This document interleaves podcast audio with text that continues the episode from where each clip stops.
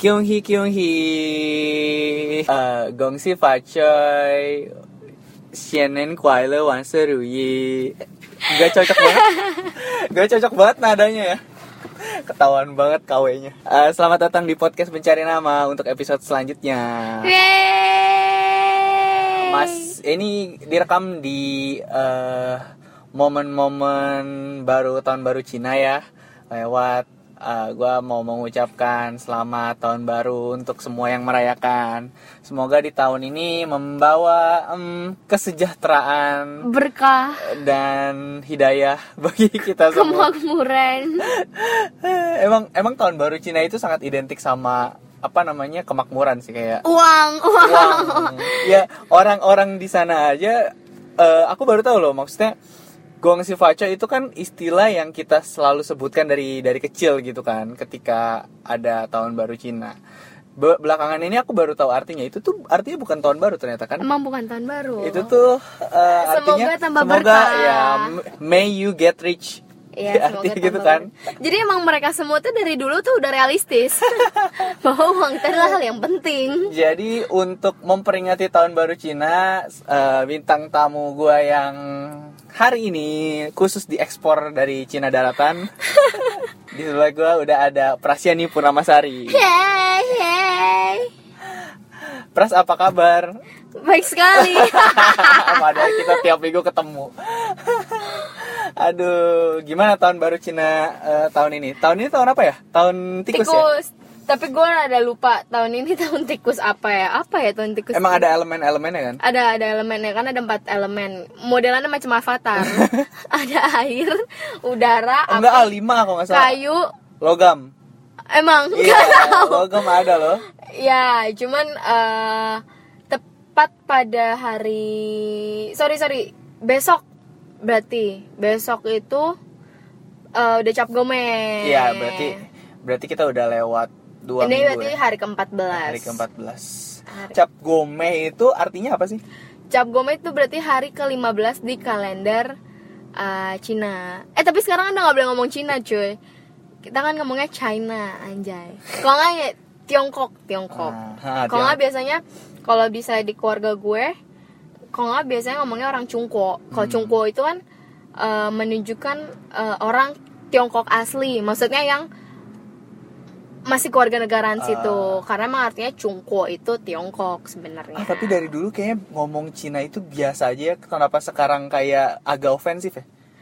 gue juga nggak ngerti ya sebenarnya sih Cina tuh biasa aja cuman tergantung kalau kayak misalnya modelan-modelan bokap gue rada sensitif soalnya kan kalau dengan kata-kata Cina itu sekarang konotasinya negatif dan menuju ke arah rasisme Hmm. mungkin di beberapa kayak generasi-generasi misalnya kayak kita Hmm. biasa aja sih sebenarnya cuman tergantung orang juga sih mungkin kan pernah generasi sebelum kita mereka yang pernah merasakan babi bu babi bu babinya di Iya. tahun-tahun beberapa puluh tahun lalu ya jadi maksud gua mereka lebih sensitif lah sama hal-hal rasisme diskriminasi mereka lebih tahu ngerasain apa rasanya diabaikan Hmm. anjay kalau gua kan emang baru tahun-tahun ini kan gua baru brojol tuh lu juga baru TK kan pasti masih bandel Iya, iya, nah kita iya, nggak iya. tahu rasanya kayak kita apa. akan membahas lebih lanjut tentang babi bu babi bu itu selanjutnya nanti ya. Cuman eh ki- kita mau mulai dari yang ringan-ringan dulu deh buat podcast kali ini. Gimana apa sih perbedaan tahun baru Cina yang sekarang baru lo jalanin? Mungkin- Ada yang spesial nggak tahun baru Cina tahun ini? Oh, kalau yang spesial ada kayak misalnya kan gue sama nyokap gue kan udah 14 tahun tuh nggak bareng gitu maksudnya nggak bareng karena nyokap gue kerja jadi nyokap gue kerja jauh gitu misalnya di luar kota Oh Akhirnya- tahun ini tahun ini akhirnya bareng kayak misalnya sama nyokap gue sama kakak adik gue semuanya kita bareng tuh kan. Kan kita emang keluarganya besar ya dari keluarga gue eh besar banget cuy. Sembilan orang gitu. Cuman sayangnya abang gue emang lagi ada di luar negeri sana nggak bisa pulang. Entah nggak bisa pulang atau belum bisa pulang atau dia nggak mau ya. Empat ketemu adik-adiknya. Jadinya kita berdelapan akhirnya ngumpul bareng. Ya senang sih. Cuman honestly kalau dulu pas kita kecil euforianya kayak berasanya masih ada kali ya. Cuman gara-gara kita udah gede ngulang hal yang sama terus-terusan Hmm. jadi kayak oh udah imlek aja gitu. Karena gue pas gue inget banget pas gue SMP atau gue SD SMP gitu.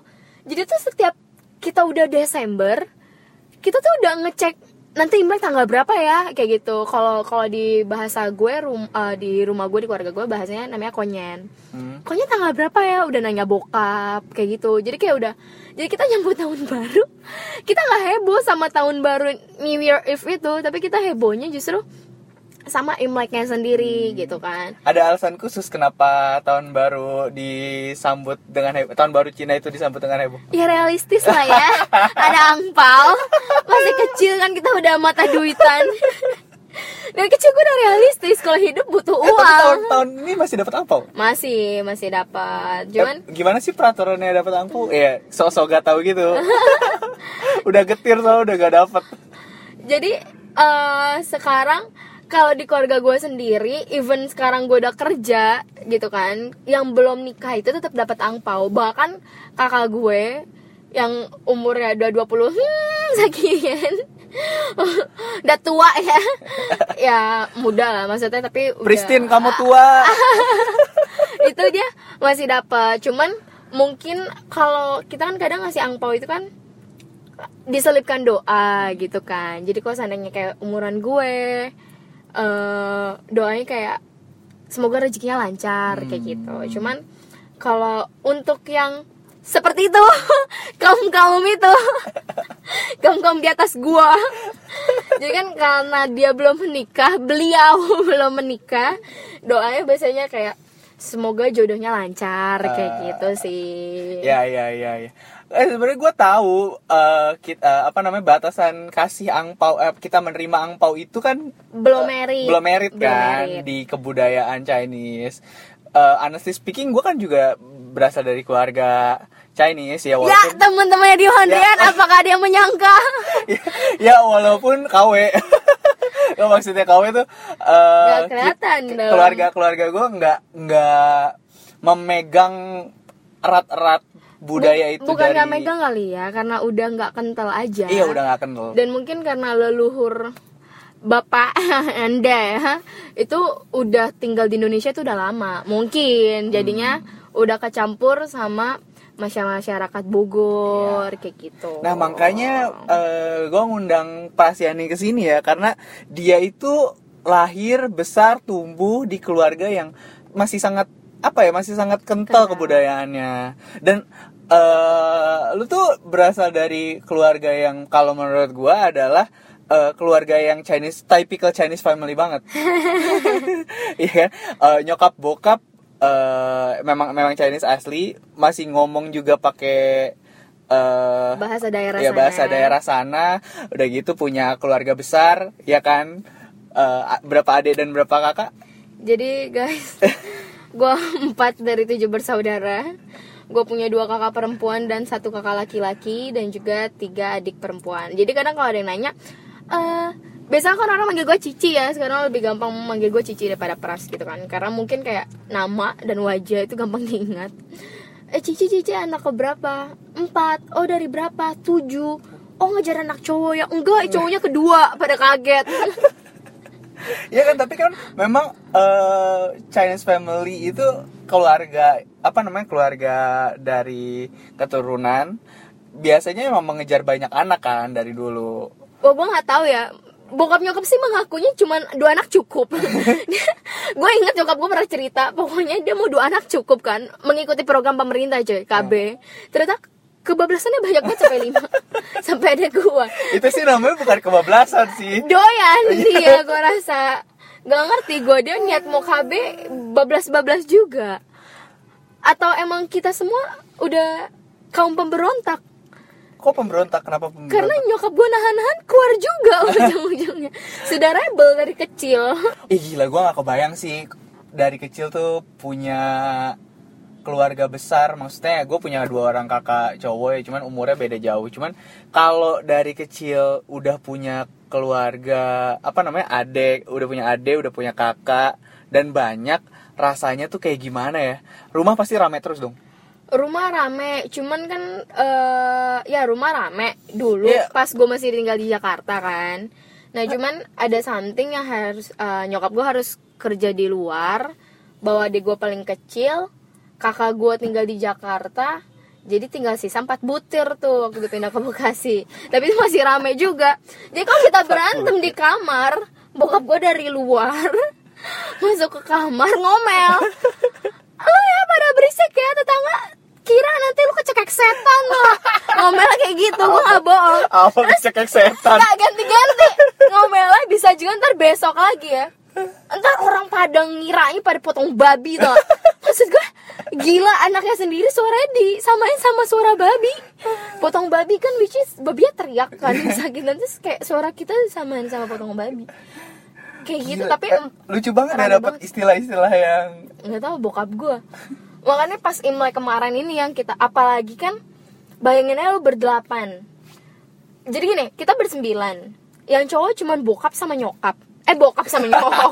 Bokap bokap sama, sama- abang gua Ah. sama koko gue lah ya istilahnya biar cina cina gitu berarti yang tujuh perempuan. Lu tahu sendiri secara ilmiah. Sehari perempuan bisa mengeluarkan 35 ribu kata katanya. Dikali Gua- lu bayangin aja 35 dikali 7 sama keluarga gua sama nyokap kan. Udah berapa ratus ribu orang-orang denger. Oh berarti desibel suara di dalam rumah tuh kayaknya.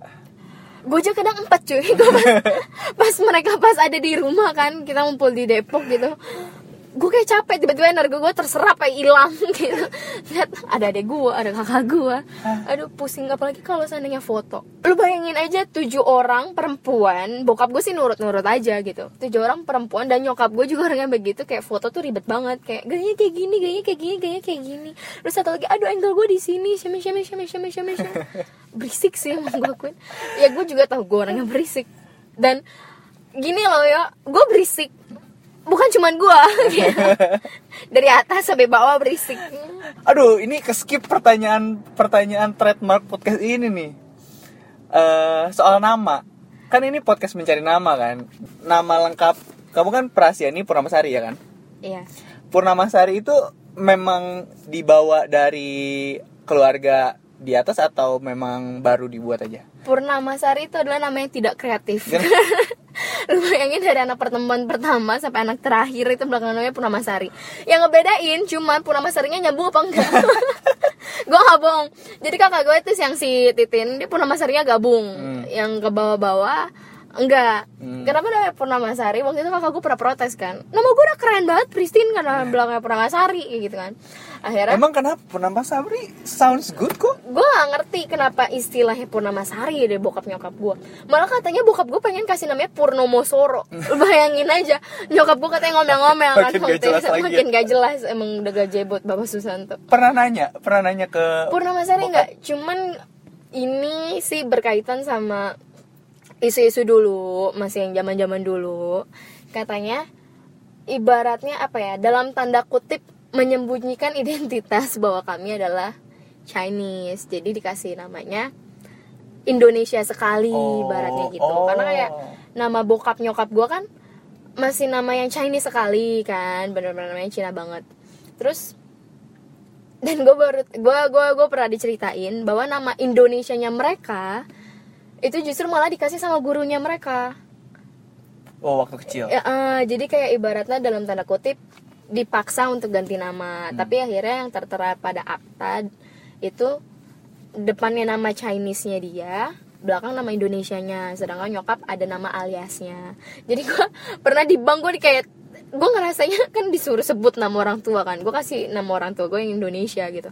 Terus kata mbaknya loh mbak ini namanya kok Cina ya?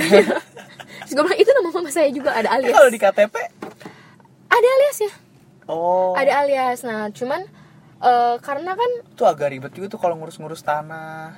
Gue nggak tahu ya cuman agak ribet emang. Cuman gue paham sih karena kan eh, kalau gue tuh kan keturunan dari kakek gue kan emang dari sana banget kan ibaratnya kalau kata nyokap gue dan kayaknya emang begitu ya maksudnya sampai gue darah gue sekarang pun emang kita belum ada darah Indonesia gitu. Cuman emang eh, kakek nenek dari sana dan baru brojo bokap nyokap kan. Jadi mereka pun ngasih namanya nama Chinese gitu. Nggak kepikiran pakai nama Indonesia. Cuman akhirnya di generasi ke gue di generasi gue dikasih nama Indonesia. Nama Indonesia baru nama Chinese nya dipakai di keluarga kalau masalah arti arti Prasyani Purnamasari itu tuh meaningless nggak ada namanya Nggak, eh tapi itu ada artinya maksudnya Gua- untuk Nah. kamuflase I- Iya, mungkin bukan arti sih tujuannya. Iya, iya, Cuman iya. gue rasa bokap nyokap gue yang ngasih nama juga gue rasa nggak tahu tuh artinya apa. kenapa Purnamasari ya Iya.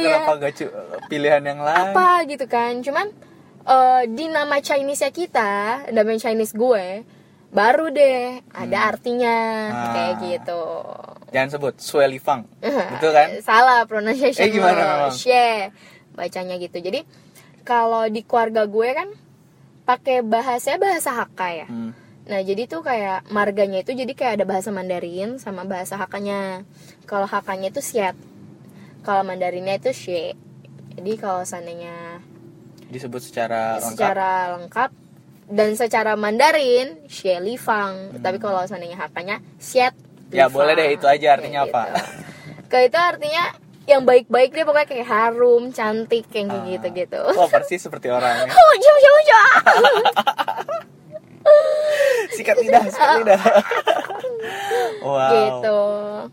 Ya, tapi eh setahu gue yang lain eh, ada ada ada ada keunikan dari setiap nama nama Indonesia keluarga lu kan semuanya depannya dari P Iya, bener semuanya depannya dari P. Cuman kecuali yang cowok. Hmm. namanya nama pasaran Henry gak jelas belakangnya juga nama bokap gua Indonesia depannya P PR sih sebenarnya ada yang Pras Pris ya Yang- yang PR pertama PR semua. Pristine. Pristine Christine Purnamasari. Betul. Terus Henry Susanto. Betul. Lu udah menyebar PII gua ya PII data. Harta keluarga gua dibaca. Loh, nanti kan ditulis di sini Betul pasti juga. ada. Yang ketiga Prat- Pratiwi Purnamasari iya Betul. kan keempat kamu.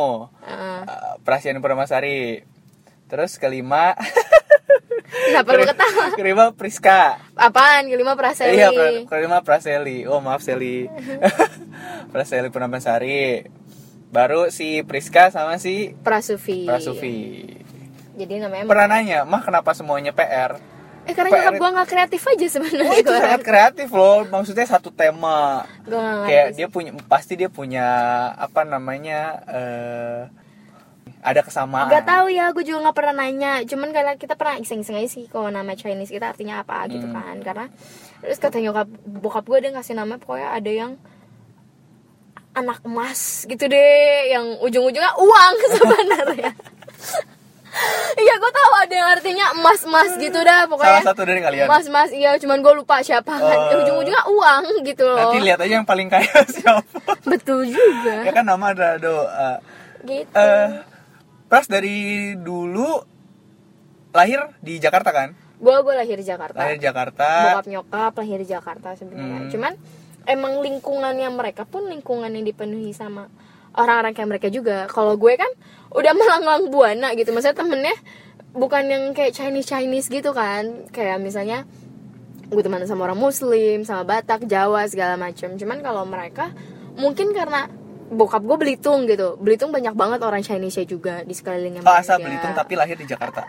bokap nggak bokap Belitung asli Oh. bokap Belitung nyokap gue di Pontianak Pontianak juga terkenal banyak kan orang Chinese gitu nah cuman Eh, tapi orang Chinese sih di mana-mana banyak. emang banyak orang dia udah kayak apa kecoa Iya, bener.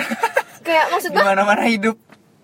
gini loh ya tolong nih ya warga Indonesia kalau nyebut orang Chinese itu penjajah mau mau ngejajah apa karena masa satu dunia satu bumi dia jajah semua? Karena di mana mana emang ada. Gue bingung kan karena emang mereka aja yang kita tahu kan 2 miliar orang kan. Emang dari dulu hobinya tuh Beranak pinak. bukan ya pikiran. Maksudnya emang merantau merantau Iya, merantau iya. merantau. Dan di keluarga gue sendiri sih emang banyak banget yang gue tahu pergi ke sana ke sana ke sana ke sana merantau kayak gitu tapi balik lagi ada yang juga stay di sana gitu Hmm, miliar sih hampir sepertiga dari dunia ya. iya Oke, jadi lahiran besar di Jakarta, terus eh sempet ke Bekasi juga kan? Di Iya, Bekasi, ke di Bekasi. Bekasi menghabiskan masa muda di Bekasi.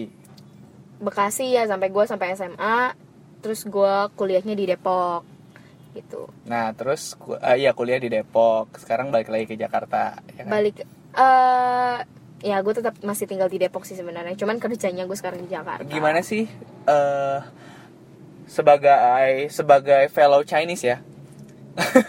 Wala- Walaupun pasti pengalamannya berbeda karena eh gue gue bersyukur sih ini podcast gak ada fotonya karena gue ketika orang eh, ketika ada teman baru yang baru kenal terus nanya ke gue atau mungkin kita lagi lagi dalam obrolan dan gue bilang kalau gue itu adalah keturunan mereka tidak percaya pasti. Karena karena berbeda. Makanya dari dulu gue nggak pernah kesulitan berbaur. Sedangkan sedangkan untuk orang-orang yang eh, istilahnya rupanya bentukannya cetakannya memang Chinese asli pasti ada aja cerita soal mereka tuh mereka tuh eh, dibully kalau nggak kesulitan bergaul waktu kecil. Nah pengalaman di apa namanya eh, masa kecil sebagai ya sebagai orang Chinese gimana? Eh, gue sendiri honestly pas gue dulu tinggal di Jakarta di sekolah dikelilingi sama orang Chinese juga kan di sekolah swasta gitu jadi kayak kalau orang di luar Chinese itu kayak gue temuin cuman kayak di jalan. Karena ngeliat orang aja kalau orang jualan atau apa. Maksudnya kita nggak pernah interaksi gitu kan sebagai teman or something. Terus pas gue pindah ke Bekasi biar gue bingung tuh teman-teman gue kok beda sama gue gitu. Maksudnya gue gak bermaksud untuk membedakan ya cuman kaget aja. Oh udah beda gitu kan. Dan untungnya gue dari dulu orangnya gampang adaptasi sih. Jadi kayak oh ya udah temenan gitu. Walaupun awalnya sempat shock kaget gitu lah. Dan mereka gue tahu banget pas kecil tuh mereka ada hasrat kayak pengen temenan gitu loh. Kayak mereka udah ngelirik-ngelirik kayak gitu kayak udah ada yang bisik-bisik kayak gitu kan. Cuman eh, dari dulu sih gue nggak pernah ngalamin yang namanya bully ya. Cuman kayak teman-teman gue manggil tuh si Cina si Cina gitu kan. Itu gue nganggapnya cuman ya udah nama panggilan gue aja atau Ini waktu di Bekasi nih? sebutan aja ya di Bekasi kayak gitu. Eh paling gue sih nggak pernah ngerasa gue dibully ya sama lingkungan gue gitu. Cuman kalau di lingkungan luar paling yang gue rasa risih paling ketika misalnya gue isi bensin terus orangnya kayak mbak Cina ya kayak lu ngapain anjir nanya kayak nggak penting banget yang kayak gitu. Emang pernah ada, yang nanya kayak gitu? Ada ada yang kayak gitu mbak Tukang Cina bensin. ya tukang bensin. Ada lagi orang lain gue lupa. Pokoknya itu gue beberapa kali kejadian orang nanya kayak gitu kan. Maksudnya kayak kayak lu kita nggak kenal gitu loh. Kecuali kita udah temenan gitu kan. Nah kalau kayak misalnya gue temenan kayak di tempat kerja gue itu mereka eh maaf ya nggak maksud apa-apa. Kamu Chinese ya? Kayak gitu. Mungkin ya pengen tahu aja kan namanya lagi ngobrol atau apa gitu. Cuman kalau kita sama strangers kita nggak pernah buka oh topik apa apa tiba-tiba mbak Cina ya? Kenapa sih? Takut agak-agak freak juga sih. Iya gue nggak ngerti itu. Cuman emang gue tahu sih gue sadar dari dulu tuh kadang kayak gue jalan orang tuh suka ngeliatin yang kayak gitu kan. Dibully sih enggak ya cuman gue pernah ngalamin satu kejadian. Gue sama bokap gue lagi pengen eh, ke sekolah. Ya udah kita berangkat terus kayak bokap gue kan nyetir agak lama tuh. Lamban lah dia tuh ya. Terus kayak ada anak kecil ngeliat gue gue tuh nggak pakai masker anak kecil ngeliat gue. Terus umur 2 tahun kayaknya 2 tahun 2 tahun setengah. Masih kecil tapi cuman kayak udah bisa berdiri gitu terus kayak asal ngomong. Terus dia ngomong gini Cina lah sambil melet. Melet itu melet melet ngeledek tau gak sih? Yang kayak terus gue sama bokap gue kayak ketawa. bad- it- itu itu bad thing ya maksudnya Nah, sesuatu maksudnya- yang untuk diejek atau gimana ya? kayak ngejek. Cuman gue sama bokap gue bokap gue ngomong gini eh bayangin aja anak umur 2 tahun udah bisa ngeledek kayak gitu. Umur 2 tahun tahu apa sih tentang politik? Iya, nggak? maksud gue anak 2 tahun tahu apa masalah rasisme? Dan dia bisa ngatain Cina we. Maksud gue gue nggak ngerti ya kenapa anak umur 2 tahun bisa kayak gitu kalau bukan gue gak maksudnya seuzon ya. Cuman kan anak kecil pasti meniru orang yang dewasa atau dia pernah dengar atau dia pernah ngeliat masalah percinaan itu. Jadinya sedih sih sebenarnya. Gue bukan sedih sih lebih ke miris. Tapi gue nggak ngerasa tersinggung. Cuman kayak kok miris banget ya anak umur 2 tahun bisa ngomong kayak gitu bertindak seperti itu pakai melet pula. Kayak heran aja sih gue cuman kalau masalah eh, ngebahas tentang kayak gituan atau keluarga negaraan ya kadang pengalaman-pengalaman gue kocak aja sih. Maksudnya kadang gue pernah waktu itu pengen bikin SKCK di Mabes. Terus gue nanya ke polisi kan gue nyari tempat SKCK di mana. Pak permisi eh, tempat SKCK di mana ya? Oh lurus aja belok kiri. Lurus tuh. Gue ikutin. Bener nama gedungnya SKCK gue masuk tak tak tak. Ibu permisi mau bikin SKCK ibunya bilang kamu warga negara Indonesia? Iya bu saya warga negara Indonesia. Oh ini SKCK untuk warga negara asing. Lah gue bingung dong maksudnya polisi yang sebelumnya kenapa bisa langsung nunjukin gue ke warga negara asing gue emang pakai masker atau dari mata gue udah kelihatan kali ya Iya bisa jadi. ya tapi gue kan ngomong lancar kenapa pakai masker dong? ya karena emang gue di luar pakai masker kan Iya, iya. terus gue kayak blak gitu kan kayak apa sih gue kayak gitu terus kalau di tempat kerja kadang kalau di, di tempat kerja gue sendiri kan banyak berbagai orang kan. Hmm. nggak cuma orang Indonesia orang luar negeri juga bla bla bla gitu. Bertemu sama banyak orang lah pokoknya. Truk orangnya masuk terus kadang dia yang pada udah kaget duluan can you speak bahasa? Langsung ngomong kayak gitu. Terus kayak gue kan kayak Kiko kan bisa kok bu? Orang Indonesia ya? Iya orang Indonesia. Eh, Jepang Korea apa Cina ya? Dia bilang kayak gitu. Ya kalau dari dari buka kamu sih memang kelihatannya agak ini ekspat ya. iya terus gue nggak ngerti kan. Terus gue kadang ekspat itu pantas memang gimana dong? terus kadang gue kalau lagi mood ya gue bilang iya ibu ada keturunan kalau gue lagi sensitif gue bilang enggak bu saya orang Indonesia bu. Kayak gitu. Terus ada juga kayak dia udah ngomong terus dia kayak sadar muka gue terus dia langsung ngomong eh mbak sorry bisa bahasa Indonesia. Karena ada juga yang kayak gitu gue sering banget nemuin kayak gitu. Sempat ada perasaan risih gak sih? risih enggak. Menghadapi hal-hal kayak gitu. risih Yang kalau berulang-ulang ya. kalau seandainya yang kayak tadi gue bilang dia nanya mbak Cina ya? Itu gue risih. Cuman kalau orangnya yang kayak "Eh, mbak maaf can you speak bahasa? Gitu gitu maksud gue berarti kan dia menunjukkan respect ke, ke gue kan gue ngerasanya. Itu sih gue bisa memaklumi gitu.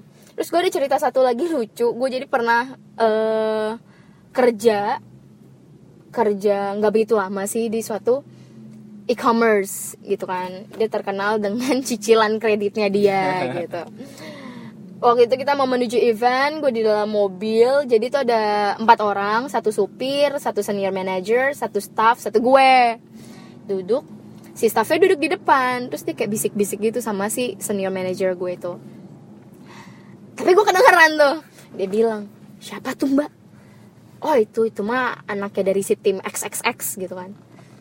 Terus dia bilang gue kira expert senior manager gue mungkin gak enak kali ya sama gue terus dia bilang "Eh, maaf ya kamu dikira expert soalnya di kantor kita emang kebanyakan orang expert Ah. dari Cungko sana dari Tiongkok sana terus gue kayak oh iya nggak apa-apa karena gue kayak gue udah sering ngalamin masalah yang kayak gitu jadi kayak gue fine fine aja sih kalau ada orang yang salah paham sama gue gitu Oke. Kalau dari keluarga eh ada pesan-pesan khusus nggak? Biasanya kan kalau dari bokap mungkin atau nyokap kayak ngasih tahu lu gimana caranya menghadapi kalau misalnya ketemu sama hal-hal yang gak mengenakan di jalan. Eh, Ada pesan-pesan khusus nggak? Atau mereka cuek-cuek aja? Ya kamu harus melatih mentalmu sendiri nak gitu. bokap nyokap sih nggak ada ngomongan apa ya cuman pernah gue di momen eh kayak kakak gue mewajibkan setiap adik-adiknya kalau keluar tuh pakai masker karena eh, apa ya menutupi wajah itu ada honestly Hmm. karena gue inget banget kakak gue pernah bilang muka lu tuh gampang ketahuan. Gampang banget diingat orang. Jadi at least pakai masker supaya nggak dilihat orang kayak gitu. Karena kalau di jalan pun gue pernah mengalami kejadian yang kayak beberapa kali di foto orang. Kayak di foto-foto diem-diem kayak gitu kan. Jadinya gue mikir juga buat keselamatan gue dan supaya muka gue gak kelihatan dan gak diingat orang muka gue. Karena takut ada apa-apa kan muka gue yang diingat kayak gitu. Hmm, besar di keluarga dengan eh, keluarga Chinese yang sangat eh, masih megang budayanya tuh rasanya kayak apa sih? Sedangkan lingkungannya lingkungan Indonesia tapi budayanya itu kan berbeda dengan orang-orang yang ada di sini. rasanya apa ya? Ya kalau gue sih Ada yang kayak gini ya kayak eh, kok diajar ajar eh, apa sama nyokap atau bokap? Nggak kayak gitu tapi orang lain ngerasa eh merasa itu ada hal yang wajar. Kenapa berbeda ya dia sama gua? Oh, kalau untuk hal itu sih gue enggak ngerasa gimana gimana ya, karena maksudnya gue cukup sadar kayak kita dilahirkan dalam budaya seperti itu gitu kan. Gue ngerasa sampai sekarang sih fine fine aja, cuman emang kadang kalau diperhatiin kayak budaya Chinese sendiri tuh emang agak unik sih, lucu aja gitu. Kadang malah menarik aja. Dan gue suka maksudnya cerita ke orang iya Chinese tuh ada perayaan bla bla bla bla bla bla bla bla bla nya gitu. Kayak seru aja sih menurut gue. Kalau ditanya budayanya apa aja tuh? Banyak sih gitu. Jadi kalau gue di rumah tuh punya kalender Chinese kalender Cina gitu terus dalamnya tuh ada hari harinya gitu. Hmm, jadi ada perayaan-perayaan yang perayaannya kalau Chinese ya kalau orang Indonesia sendiri paling taunya apa sih Imlek doang kan Sama Imlek. Cap Gome Iya. gitu sebenarnya ada lagi di luar itu kita ada Cengbeng terus ada juga sembayang kubur Cengbeng itu yang kita makan bacang ya bukan beda kalau Oh, Cengbeng ya? itu Agustus jadi kayak eh kalau gue nggak salah ya Agustus dan gue pernah dengar kata bokap gue cerita kalau Cengbeng itu adalah katanya di mana pintu akhirat itu kebuka jadi kayak ibaratnya orang-orang eh bukan orang sih ya arwah-arwah sana pada main ke bumi Oh. that's why rekreasi rekreasi ya Seru rekreasi juga. seru juga ya lagi bisa rekreasi. kunjungan, lagi dinas kan. Jadi satu bulan itu bokap sih menyarankan untuk hati-hati gitu. Maksudnya kayak kan kita nggak tahu tuh ada arwah yang jahat, ada arwah yang baik kayak gitu. Ada cengbeng, sembahyang kubur, sembahyang kubur tuh biasanya April awal-awal. Jadi kayak datang ke kuburan leluhur, kita sembahyang di situ. Terus ada juga ini eh, Mooncake Festival ada mooncake itu Iya. kan apa namanya kue bulan itu ada harinya juga bakcang ada hari bakcang hari onde onde juga ada makanya kenapa kebanyakan makanan gue juga Iya, ya. bingung gitu seru emang ketika disebutkan baru kepikiran ini semuanya makanan makanan semua dan itu emang pasti ada arti-artinya sih ya. Ya, emang kata bokap gue ada ceritanya juga cerita detail lengkapnya tanyakan kepada bokap gue jadi emang seru sih jadi kadang kalau lagi ngerayain itu kan gue sama bokap gue juga sekarang tinggalnya lagi beda. Bokap suka nanya gimana? Makan onde-onde enggak gimana? Makan bakcang Oh, nggak?" even though gitu. kalian eh, di kota yang berbeda tapi tetap mengingatkan untuk makannya. ingat bokap gue tapi nggak cuma itu sih kalau gue kan ngerayain Natal ya bokap enggak jadi dia untuk hal itu juga kadang dia suka nanyain gimana gereja? Gitu sih. Jadi emang antara bokap gue gabut atau peduli ya gue ngerti gabut gabut kayak ngechat terus nanya anak-anaknya gitu tapi emang bokap bokap gue selalu nanya sih Apa yang diingat dari masa kecil seorang Prasiani bersama keluarga cerianya? Mereka berpengaruh gak sih sama per- pertumbuhan lu? Kalian pernah ada ngerasa eksklusif gak sih?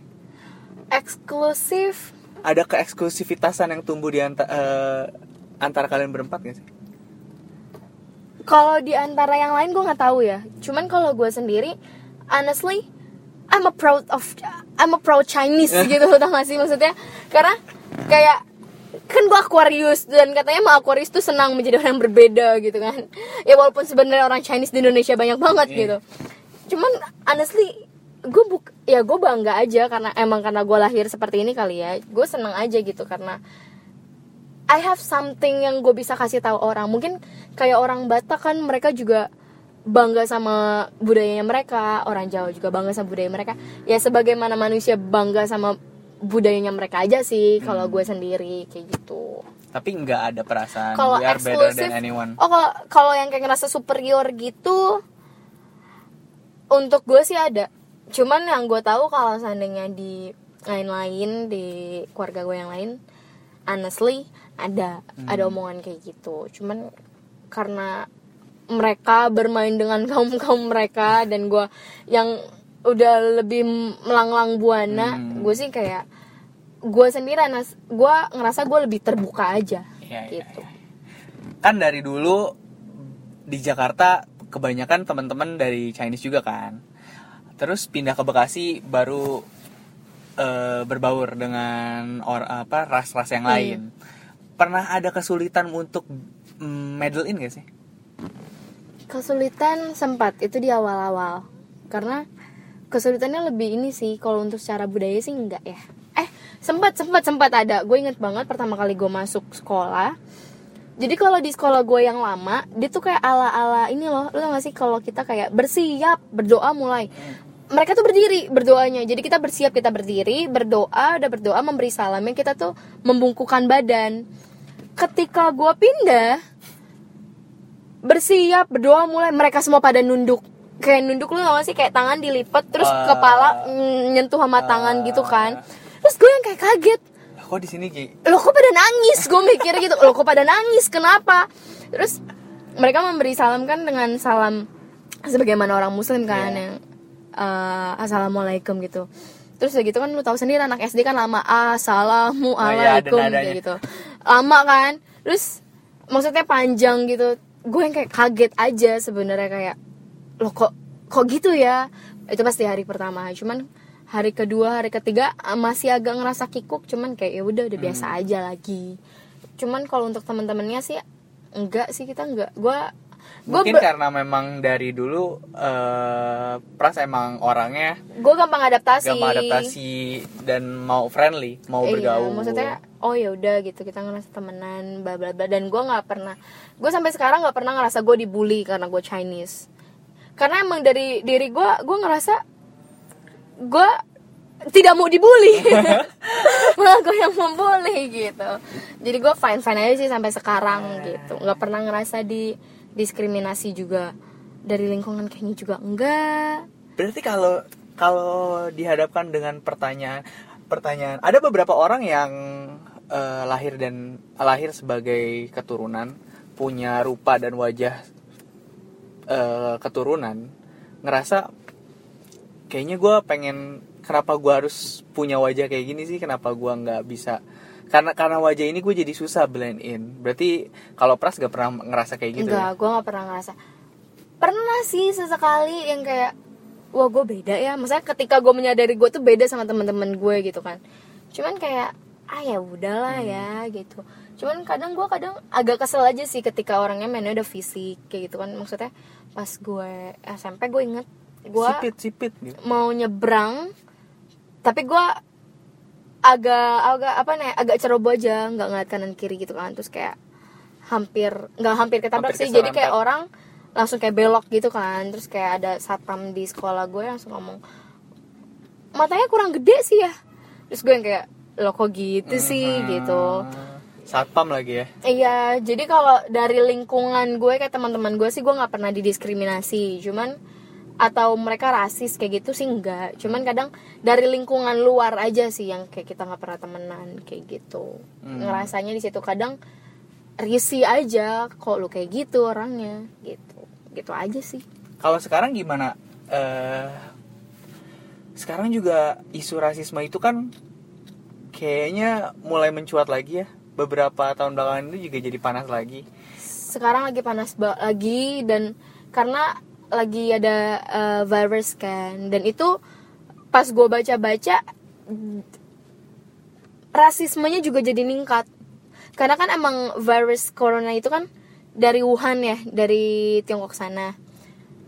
Asalnya di sana jadinya banyak isu rasis juga di Hmm, situ. Kayak gimana kar- karena mereka menyalahkan orang Wuhan ya. mereka kayak jadi ngejauhin gitu loh. Oh. jadi kayak seolah-olah orang Chinese jadi kayak udah teridentifikasi corona padahal belum tentu. Kayak Iya, gitu sulit sih. karena mereka berpikirnya kalian lah sumbernya. karena udah pada ketakutan aja sebenarnya. Gitu Ya sih. padahal padahal sebenarnya eh, itu bukan hal yang tepat untuk dijadikan alasan eh, untuk menjauhi dong. Iya karena kayak bencana. Yang gue iya sih. Kayak gitu. Itu kan bencana yang kita nggak bisa avoid.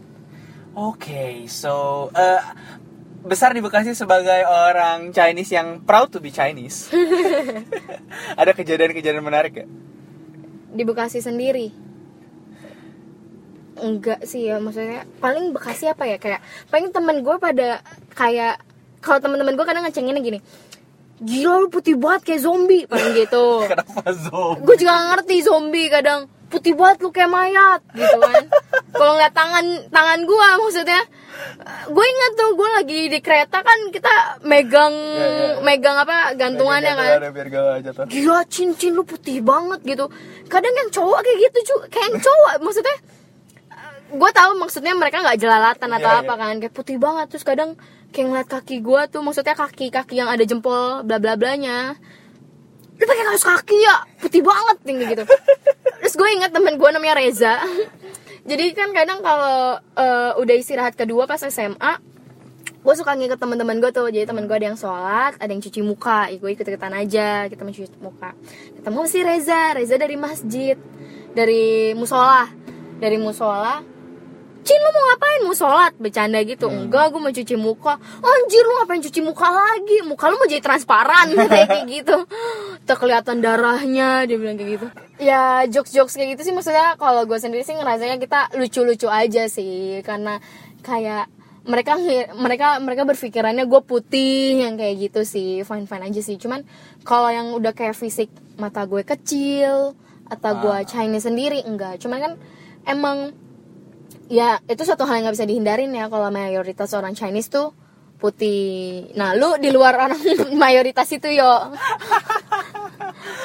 Ya dari dulu emang gak pernah, gue gak pernah menemukan hal-hal seperti itu Lu- terjadi. lu adalah Nah kan kalau sekarang eh, lu udah kerja, di kerjaan juga ketemu gak sih hal-hal rasis atau maksudnya eh, yang membedak, eh, ada yang ngebedain gitu. kalau di kerjaan mungkin kan udah ada hukumnya ya jadi dari awal juga kayak jadi gue isi onboarding gitu ditanya pokoknya yang lu mau di uh, setarakan secara apa gitu kan fokusnya. Gue isi RS jadi kalau di kerjaan gue sendiri mungkin karena orang-orangnya sudah lebih dewasa kali ya. Jadi mereka ketika nanya ke gue yang kayak kita gue bilang eh maaf ya kamu Chinese ya? Kayak gitu. Gue nggak ada maksud apa apa nih kayak Hmm. gitu. Cuman ya ya tadi paling yang kejadian-kejadian lucunya ada yang kaget duluan ngeliat gue orang-orangnya terus tanya gue bisa bahasa Indonesia atau enggak. Terus sama gue pernah ketemu jadi gue ngadepin applicantnya. Dia Chinese. Dia Chinese terus dia di akhir dia ngomong oh makasih ya Ce dia ngomong kayak gitu.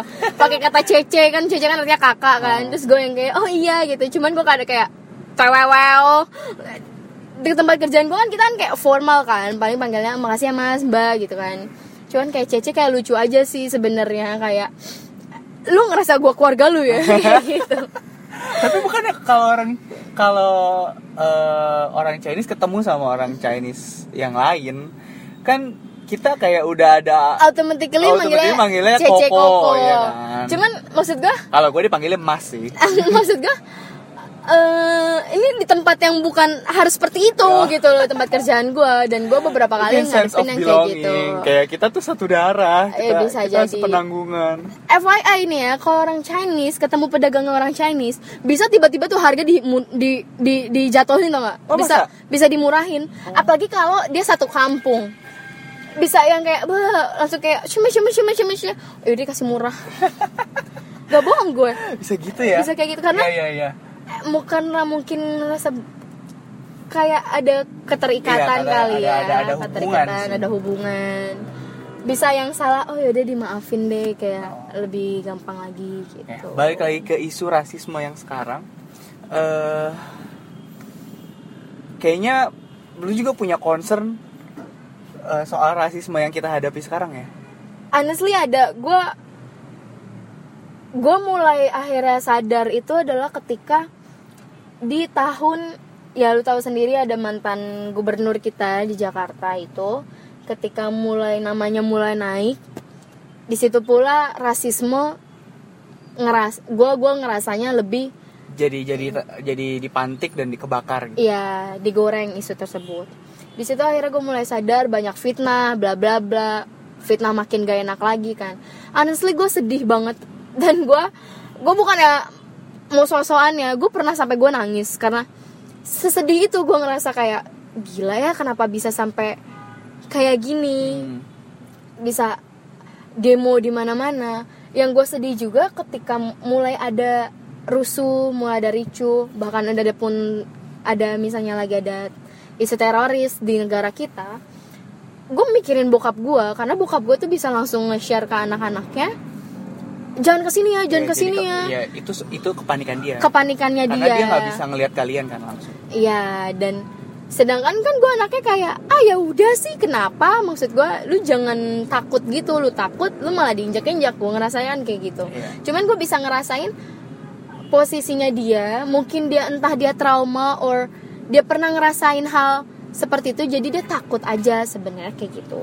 Dan untuk isu rasisme itu gue sedih sih maksudnya emang gue ini Chinese emang gue belum ada darah Indonesianya.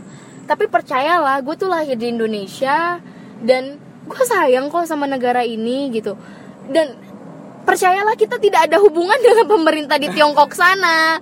Karena ingat deh gue pernah baca baca berita hoax eh, apabila mantan gubernur B Nah, ditangkap penjara 30 ribu warga Cina siap datang ke bandara.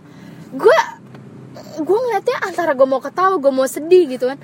Maksud gue uh, they don't give a fuck gitu loh. Mereka juga nggak peduli. Gue rasa mereka tahu ada yang namanya bapak B juga. Gue rasa enggak gitu loh. Maksud gue kita kita Chinese tapi kita nggak ada hubungan di pemerintahan sana. Yeah, yeah. orang maksudnya mungkin keluarga bokap gue kali atau nyokap gue atau kayak kakek nenek gue kan pasti punya adik kan punya keturunan di sana. Cuman kita udah nggak ada hubungan gitu loh. Jadi kita tinggal di Indonesia ya kita patuh sama negara kita tetap hormat juga menjunjung tinggi Pancasila kok gitu. Maksudnya kenapa kayak gitu ya? Kadang sedih sih. Tapi eh, sebenarnya menanggapi isu yang soal eh, ini kan ini kan memang digorengnya ketika pengangkatan gubernur B kan. Hmm. Terus ketika dia di demo terus dia turun ketika dia dia sebenarnya menjadi menjadi sosok yang fenomenal sih.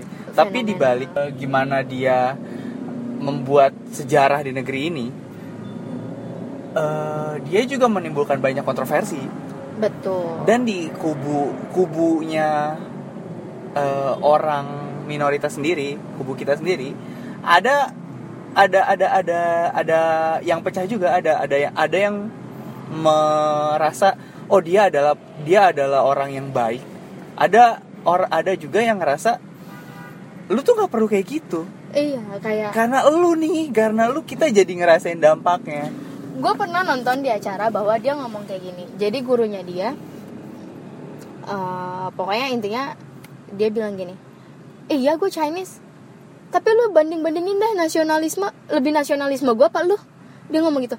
Honestly itu jadi itu yang memicu gue sih.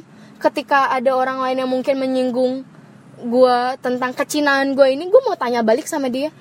Gak usah ribet-ribet deh lu buang sampah udah bener apa belum? Gue kayak gitu aja maksud gue aku udah kok aku udah lu udah cukup aware belum sama peraturan gitu loh kan? Kayak orang puter apa namanya lalu lintas Ya, ya. buang sampah sembarangan gitu. Maksudnya ini lu ngakunya pribumi lu ngakunya ini tanah lu lu aja sekedar buang sampah lu nggak mampu. Kayak gitu maksud gua nggak usah ribet-ribet lu masalah gitu ya udah bener belum? Maksud gua dengan lu buang sampah pada tempatnya dulu udah menunjukkan bahwa lu tunduk lu mencintai negara lu lu mencintai neg- tanah tempat lu lahir. Iya. kayak gitu sih sebenarnya nggak usah jauh-jauh gitu kalau menurut gue. Sebenarnya orang tuh bisa gampang terbuka pikirannya soal isu seperti itu dengan berpikir sesimpel ini. Sesimpel nasionalisme itu bukan berdasarkan dari darah loh bukan juga dari yang kayak seberapa besar lu demo sih sebenarnya. Maksudnya kita lakuin aja dulu hal-hal yang kecil. Iya. lu lu mau demo ya terserah sih ya. Orang punya masing-masing punya suara. Tapi kalau menurut gue dari hal kecil aja dulu.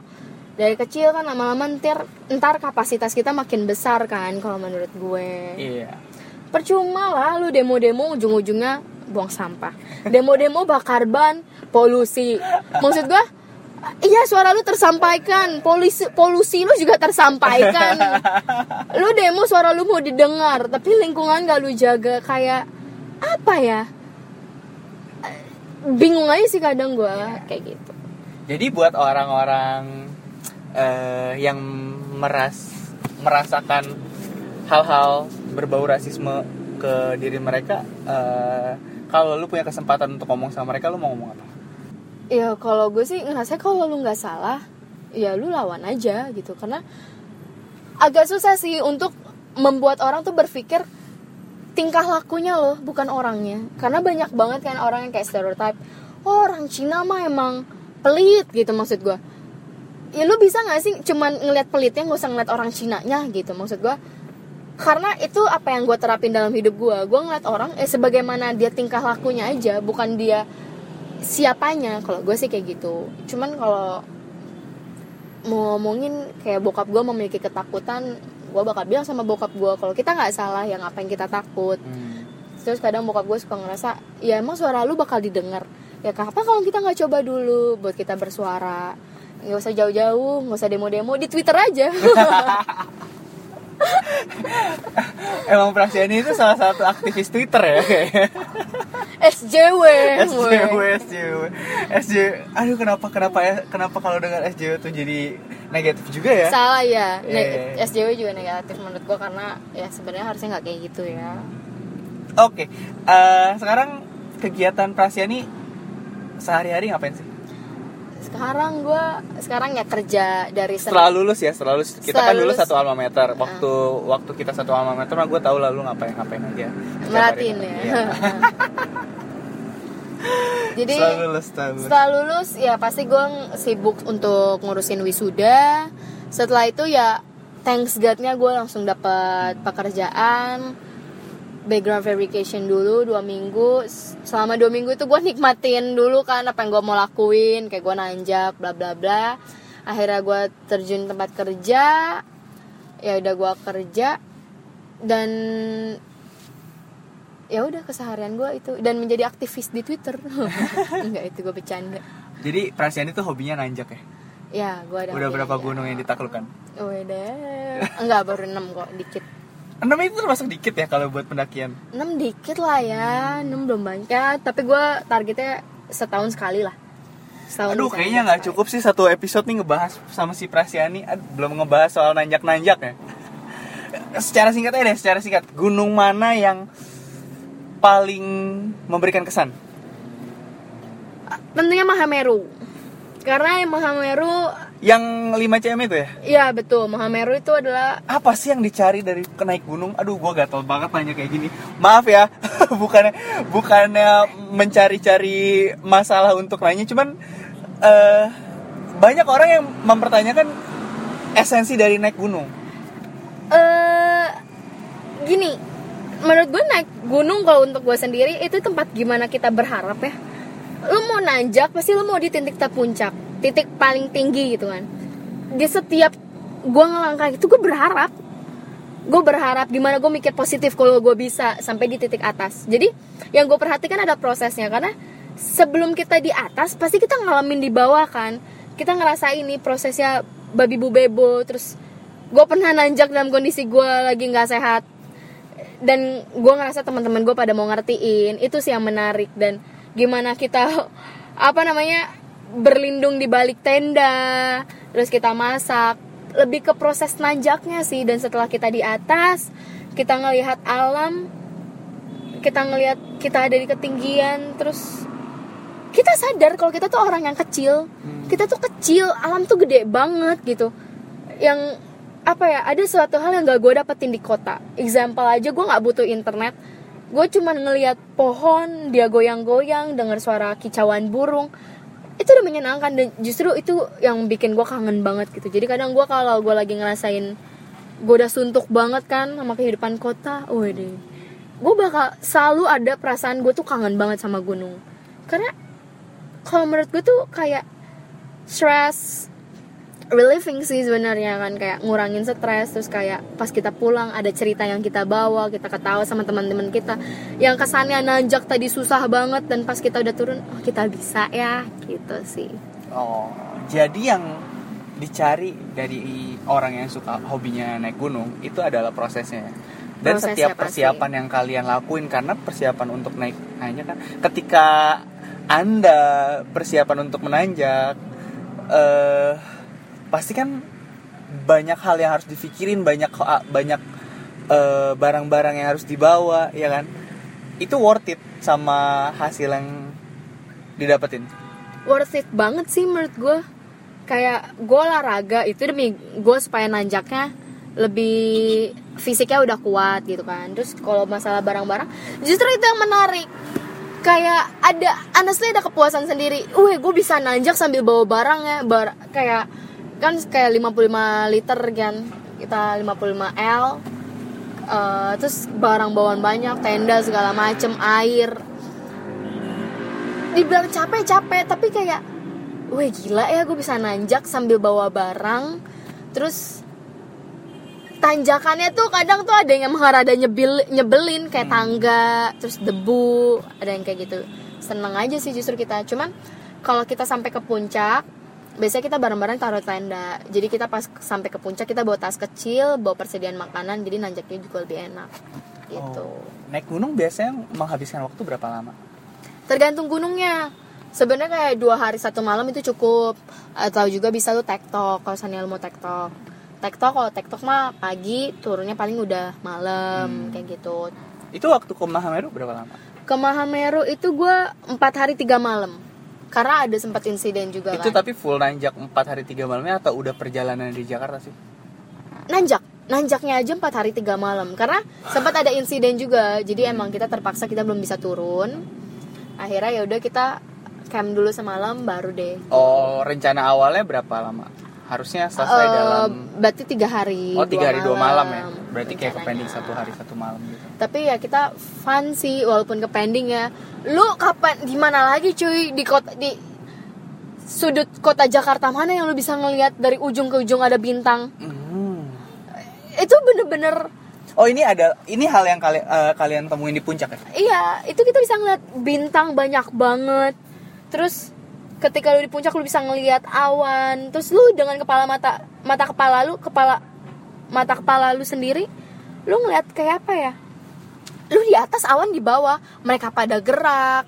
Terus juga kayak embun-embun gitu pada apa sih gerak-gerak kayak gitu. Itu menarik banget sih sebenarnya. Bisa diceritain rasanya nggak? Rasanya nyampe di puncak. gua waktu itu Apalagi Maham, di di Mahameru. Mahameru. Gue pas di puncak di Mahameru itu gue nangis. Karena gue terharu. Gila ya gue bisa nanjak nyampe sini gitu karena menurut gue Mahameru kan segala hal pertama yang terjadi. Mahameru adalah gunung pertama yang gue tanjak. Dan Mahameru sendiri adalah gunung tertinggi di Pulau Jawa. Sebelumnya gue tanya temen gue yang udah anak nanjak gue bisa nggak nih buat sambil attack nyampe Mahameru dia menyarankan supaya gue nanti aja lagi karena gue pemula kan.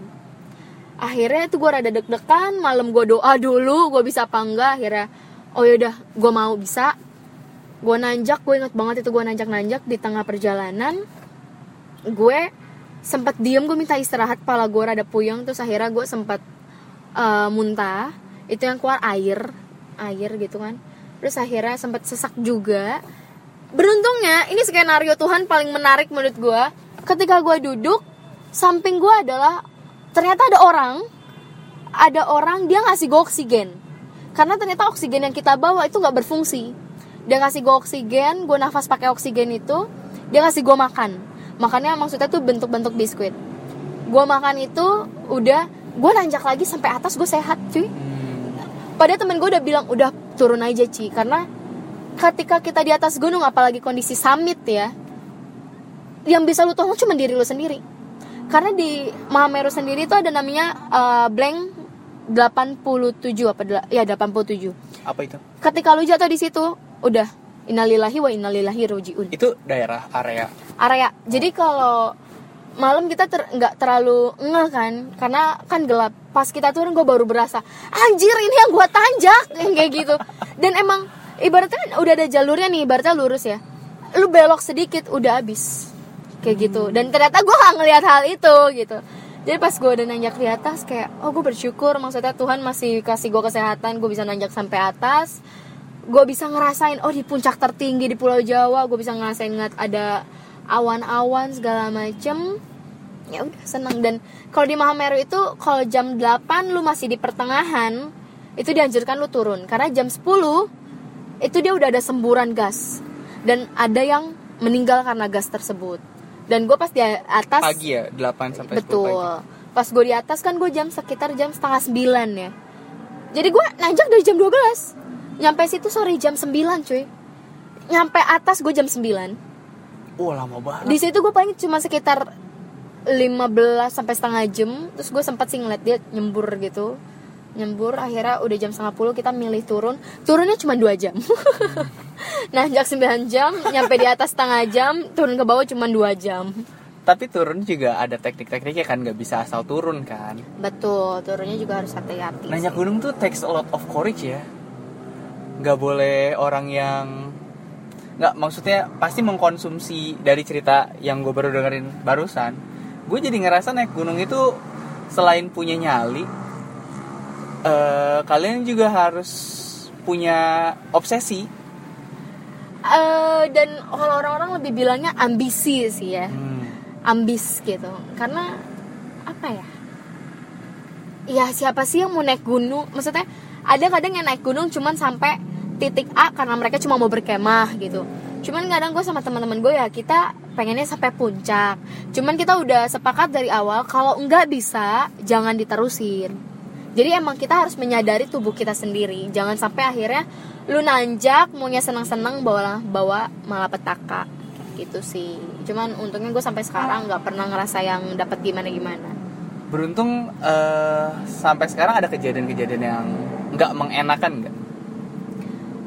Naik gunung. Hmm. kejadian gak mengenakan sih enggak ya jujur. Paling katanya pernah di Mahameru gue baru diceritain sama teman gue karena ada mistisnya juga. Jadi kita ngelewatin pos pas berangkat. Emang katanya pos itu nggak boleh berhenti lama-lama. Pas turun teman gue nyari itu udah nggak ada men pos ya. Dilewatin nggak ada. Terus Gunung paling itu banyak misterinya banyak ya. misterinya. Terus apalagi yang gak mengenakan? Paling itu ya. Karena eh, sampai sekarang orang yang gue temuin yang di gunung-gunung pada baik. Kayak oh permisi ya mbak mas yang kayak gitu. Semangat ya kadang kalau kita nanjak kadang ada yang turun kan. Dia kayak eh sebentar lagi kok nyampe. Ada juga yang berbagi minum kasih makanan. Lebih banyak menguntungkan sih kalau nggak menguntungannya atau maksudnya yang rese-rese orangnya gue sampai sekarang belum pernah sih. Nih. eh, paling ada orang-orang yang tidak peduli lingkungan. Yang bawa sampah sembarangan itu menurut gue yang paling merugikan. Itu bukan anak gunung ya? itu. Menurut gue gini lu kalau lu ngeklaim anak gunung harusnya lu bisa ya mencintai gunung. Lu mau ngerawat dia gitu. Lu bisa lah jaga sikap. Bukan cuma jaga sikap jaga omongan jaga pikiran juga. Dan jaga tingkah laku lu lu bawa lu bisa bawa sam lu bisa nih bawa makanan ke atas. Masa lu turun bawa bungkus yang nggak bisa? Hmm. gue pernah loh ke suatu tempat masa ada panci dibuang. Lu bayangin aja gue yang kayak ah gila lu ya. Maksud gue sedih sesedih itu. Jadi gue kadang kalau di atas ada kan yang ala ala bikin tulisan Ya, ya. kertasnya dibuang sembarangan langsung gue teriakin. Kertasnya kali gue kadang suka kayak gitu terus akhirnya dia pungut. Maksud gue gue gak maksud nyinyir cuman menurut gue itu adalah suatu hal yang itu nggak nggak boleh ya. Harus disadari. Ya, harusnya harusnya harusnya eh setelah kan di gunung pasti lama. Udah udah tahu alam itu seindah itu. Hmm. harusnya mereka sadar untuk selalu merawat. Simpelnya gini. Gunung gak butuh lu. Lu yang butuh gunung. Yang mau nanjak siapa? Lu. Hmm. gunung adalah rumah dan lu tamu. Masa ya lu begitu sama sang pemilik gitu kan lu tuh tamu lo, lo harusnya bisa menjaga sikap lu gimana? Masa ya kita buang-buang sampah? Yang kayak tadi gue bilang gunung tuh nggak butuh lu tanjakin. Yang yang sebenarnya mau memuaskan hasrat siapa? Lu gitu Ya, loh betul, bukan betul. gunungnya. Jadi ya lu kalau mau nanjak gunung ya lu jaga kebersihan lah. Lu masa ya kalau ya simpelnya lu mau ngambil foto terus sampah di mana-mana? Gitu aja sih.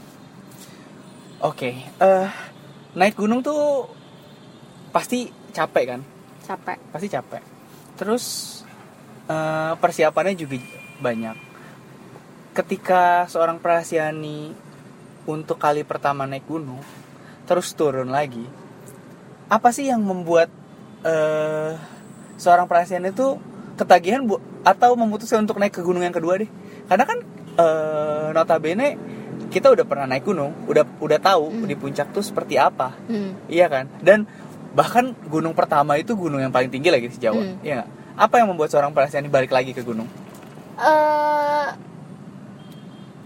karena even kita udah pernah naik gunung mungkin perasaan kangennya ya perasaan kangen sama situasinya kangen sama alamnya kangen sama udaranya sensasinya dan adrenalinnya dan kalau dibilang ya lu udah pernah naik gunung tinggi ya apalagi yang dicari misalnya itu juga tingginya di Jawa kan pasti ada hasil kita mau naik gunung yang lebih tinggi. Pun kalau kita naik gunung yang di bawah itu jadi gini singkatnya MDPL-nya paling tinggi belum tentu susah daripada yang yang, susah gitu ada yang MDPL yang eh, di bawahnya gitu. Jadi temen gue pernah bilang jangan ngeremehin gunung walaupun dia MDPL-nya pendek gitu. Karena gunung sendiri masing-masing gunung masing-masing cerita. Masing-masing alamnya sendiri tanahnya udaranya gimana lingkungannya gitu. Jadi kalau dibilang ya gue enam kali nanjak gunung dan gue akuin di, seti- di tiap gue naik gunung itu pasti punya ceritanya sendiri pengalaman pertamanya sendiri. Jadi selalu ngerasain ada hal ini loh hal yang gue pertama lakuin ini loh hal yang pertama gue lakuin gitu. Jadi pasti punya ceritanya masing-masing. Oh jadi itu sum up kalau dari yang gue dengar ya Berarti eh, alasan utama dari seorang eh, dari ho- do- dari Horbi Prasyani ya naik gunung adalah satu tantangannya. Karena setiap gunung pasti punya tantangannya masing-masing. Walaupun ah, udah menaklukkan yang tertinggi tapi belum tentu yang cetek-ceteknya yang lebih rendah itu Hmm. leb- udah gampang gitu untuk di- Betul. didaki yang kedua ceritanya. Betul. Karena yang pertama itu gue sadar banget ketika gue naik gunung kedua. Gue naik sumbing. Gue awalnya oh gue udah pernah Mahameru ada rasa angkuh kayak gitu kan. Cuman gue selalu gue tepis gue nggak bisa gini nih karena ya mitosnya sih katanya ya kalau lu angkuh lu malah nggak nyampe nyampe gitu. Terus pas gue ngerasain sumbing kok lebih berat ya daripada Mahameru gitu Oh, kan. wow. jadi gue akhirnya sadar kayak emang kata teman gue iya gunung tuh punya ciri khasnya masing-masing jadi kita nggak bisa ngeremehin. Jadi gue sekarang kalau naik gunung gue coba lihat gunungnya kayak apa MDPL-nya gimana dan pengalaman orang-orang dan gue lihat tanahnya kayak apa itu berpengaruh sih. Wah 6 gunung berarti harusnya 6 episode dong betul. Undang 6 lagi ya. episode podcast dia harusnya. Undang lagi ya. Kita edisi khusus anak gunung Yo, kayaknya seru tuh bikin podcast tentang pergunung-gunungan. Belum ada tuh. boleh. Bikin dong, bikin dong. Ah, karena karena gini, eh gue jadi sedikit paham sih dari cerita. gue orangnya memang mageran ya, jadi ngerasa kayak sampai sekarang gue ada rasa penasaran untuk naik, ada rasa penasaran. Cuman gue nggak habis pikir sama orang yang berkali-kali mau naik dan atau bahkan meluangkan kayak lu kan setiap ada waktu luang kalau misalnya ada celah sedikit ya gue naik gunung gitu kan. Betul. Eh gue masih belum masih belum bisa memahami aja kenapa ada yang serajin itu karena kan capek. Untuk gue sendiri gini justru ketika gue capek gunung adalah tempat pulang. Hmm. kayak ketika gue bisa mengistirahatkan semua pikiran gue gue bisa naruh beban-beban gue ya gunung buat gue sendiri rumah sih sebenarnya tempat gue pulang. Ya gue mulai memaham gue memahami itu karena eh, ternyata yang dicari itu bukan ya puncak memang adalah tujuan betul. dari setiap perjalanan ke gunung pendakian ya kan. Cuma bukan eh, di eh, apa un- proses untuk mencapai ke puncaknya cerita-cerita yang eh, dilalui itu yang sebenarnya adalah eh, alasan utama kenapa perasaan balik lagi ke gunung kan. Sama Betul. ketika gue buat, buat podcast ini. Gue buat podcast ini biar gue dapat cerita. Karena setiap episode ada ceritanya.